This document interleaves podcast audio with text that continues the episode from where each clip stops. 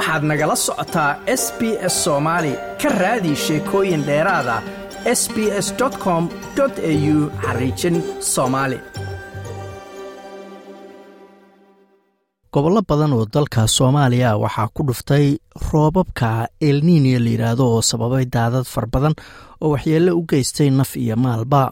Dadka ku dhintay daadadkaasi ayaa lagu qiyaasayaa inay u dhexeeyaan labaatan iyo siddeed qof ilaa kow iyo soddon qof waxaana daadadkaasi ay saameeyeen kow iyo labaatan degmo dad milyan gaarayana waa uu saameeyey. Waxaa sidoo kale la sheegay in dad gaaraya nus milyan ay ku barakaceen sida laga soo xigtay dowladda federaalk ee soomaaliya. Ra'iisul wasaare ku-xigeenka dowladda federaalk ee soomaaliya saalax jaamac oo isagu hogaaminayay dadaalada lagu caawinayo dadka daadadku ay saameeyeen.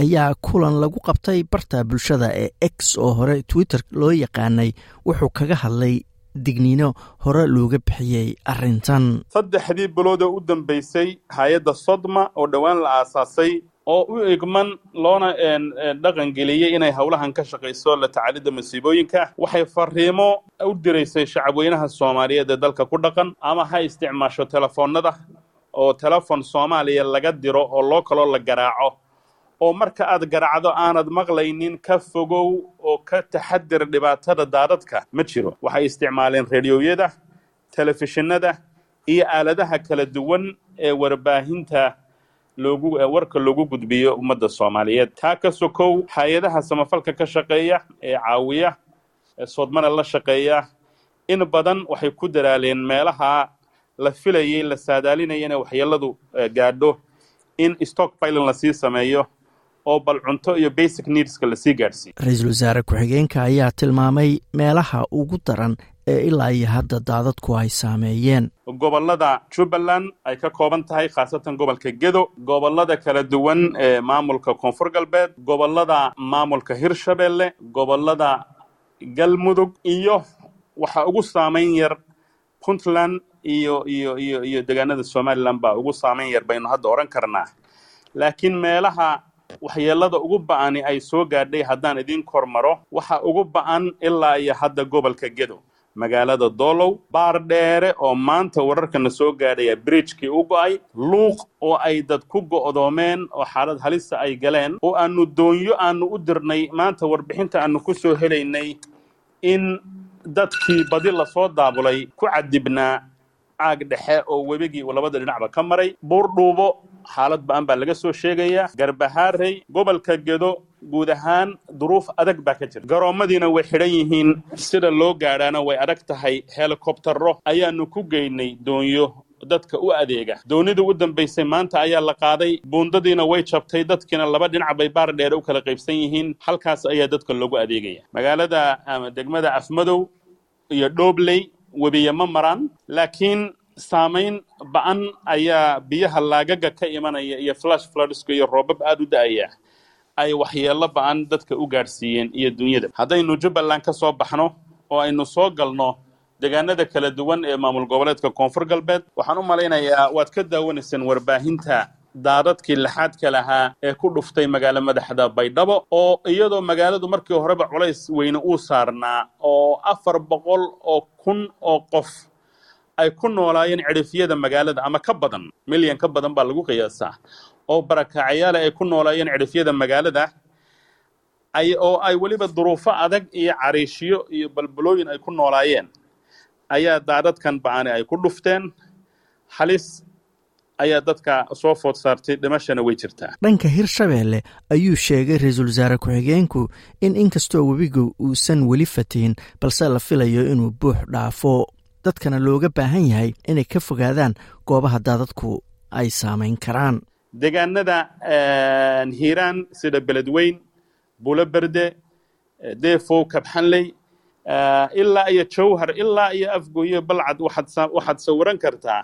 Waxa ku soo socda marka aad eegto dhanka kale ee etoobiya ee deegaanka soomaalidu ay degto dowlad deegaanka mushkiladda ka jirta markaad eegto waxaad ogaan kartaa waxa halkaana ku soo socda. Waxaa jirta in magaalada beledweyne dadku ay xoogay waxyeelada ka soo gaadhay daadadkii u dambaysay intay ka dab qaateen ay dibadda u baxeen. Laakiin weli dadku sidii loogu talagalay ugama ay fogaan oo iskama ay ilaalin waxyeelada webi shabeellena uu keeni karo. Marka webigii jubba waynu aragnay waxyeeladiisii oo weliba bilow ah ka shabeellena dhowaan baa waxa la filanayaa in uu aada u sii kordho. Ra'iisul wasaare ku-xigeenka ayaa sheegay in isbeddelka cimiladu uu mas'uul ka yahay roobabkan. Soomaaliyana aysan keligeed ku ahayn laakiin saamaynta ugu badan uu soo gaarayo maadaama uu yahay dal nugul marka la eego colaadaha iyo nidaamka dowladnimo oo aan saldhigan.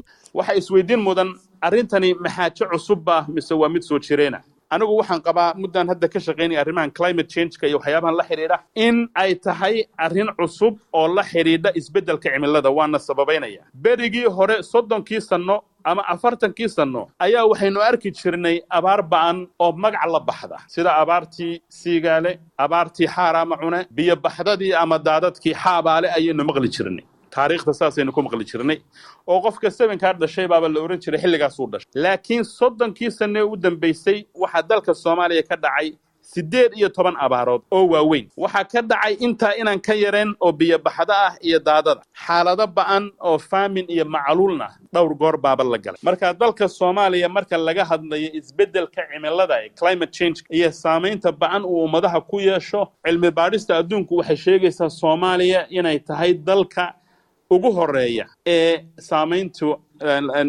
ay saamayn baan ku yeelato arrimaha isbeddelka cimilada sababtuna waxa weeye waa dal colaado badanna ay in badan ku furnaayeen nuglaanshiyo kalena oo dhaqan dhaqaalahana uu jiro conflict and fragility. Waxaan afka frenchiga lagu yidhaahdo nuglaanshiyo xagga state institutionska ah iyo qarannimadii iyo colaado markay dadkii isku biirsadeen marka daad yimaado ama abaari timaado halis ayay gelayaan. Halka qofka california ku nool oo abaaro badani ka dhacaan ama dalalka kale dhaqaalahooda iyo dowladnimadooda ay taam tahay aanay halis intaa la gelin. Saalax jaamac ayaa sheegay in toddobaadyada soo socda la saadaalinayo in xaaladdu ay ka sii darto oo roobo badani ay di'i doonaan isagoo tilmaamay waxa dowladdu ay ka qabanayso masiibadan. Duruuftaas maadaama aynu ku sugannahay lana saadaalinayo dhowr iyo labaatanka cisho soo socda inay xaaladdu ka sii darto oo ay sii xumaato ilaahay subxaanahu wa tacaala waxba kuma aha inuu inabaal mariye ayaa waxaan rabaa inaan idin dul maro. Bal dowladdu guud ahaan arrimahan maxay ka qabatay? Dabcan hay'adda sodma waxqabadkeeda waa aad baa looga dharagsan yahay iyo sanadka ay ku jirtay shaqada iyo siyaadada.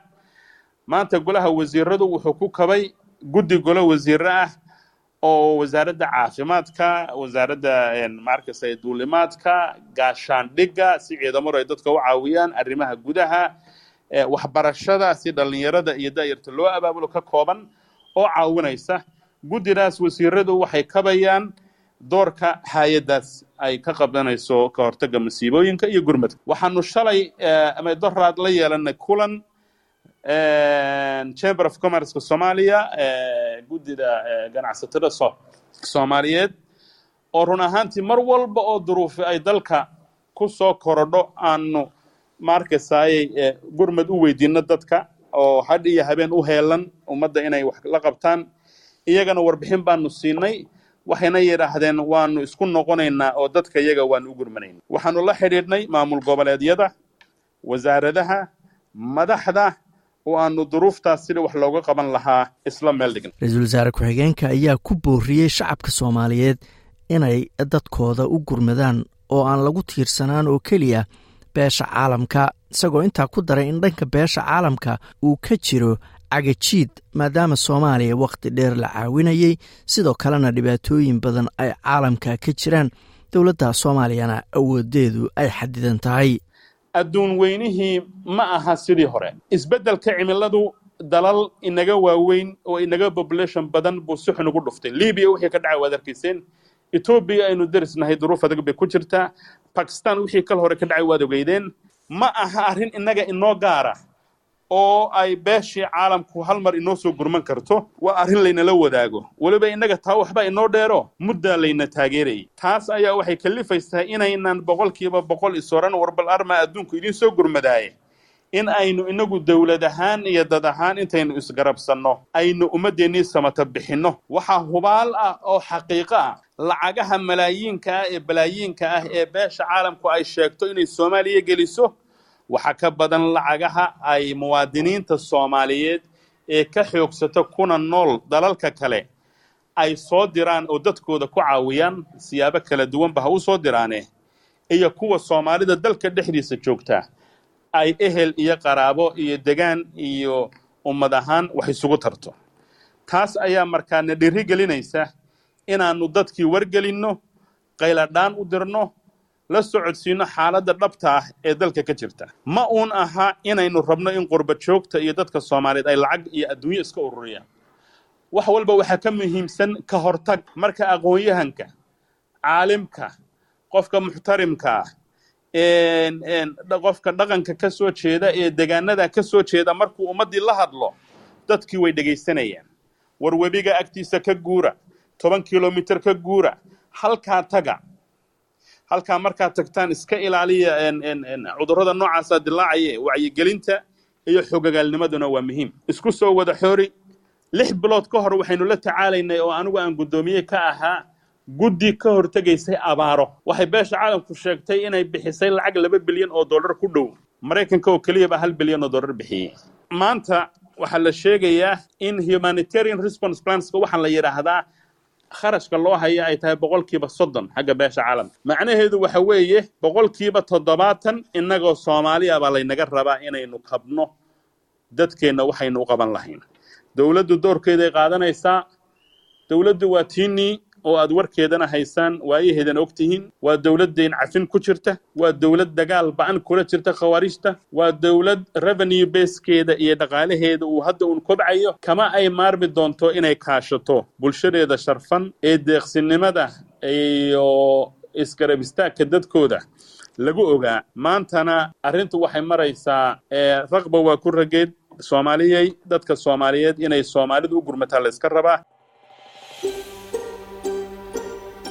ma doonaysaa sheekooyinkan oo kale? Ka dhegayso apple podcast google podcast spotify ama meel kasta oo aad bodkastigaaga ka hesho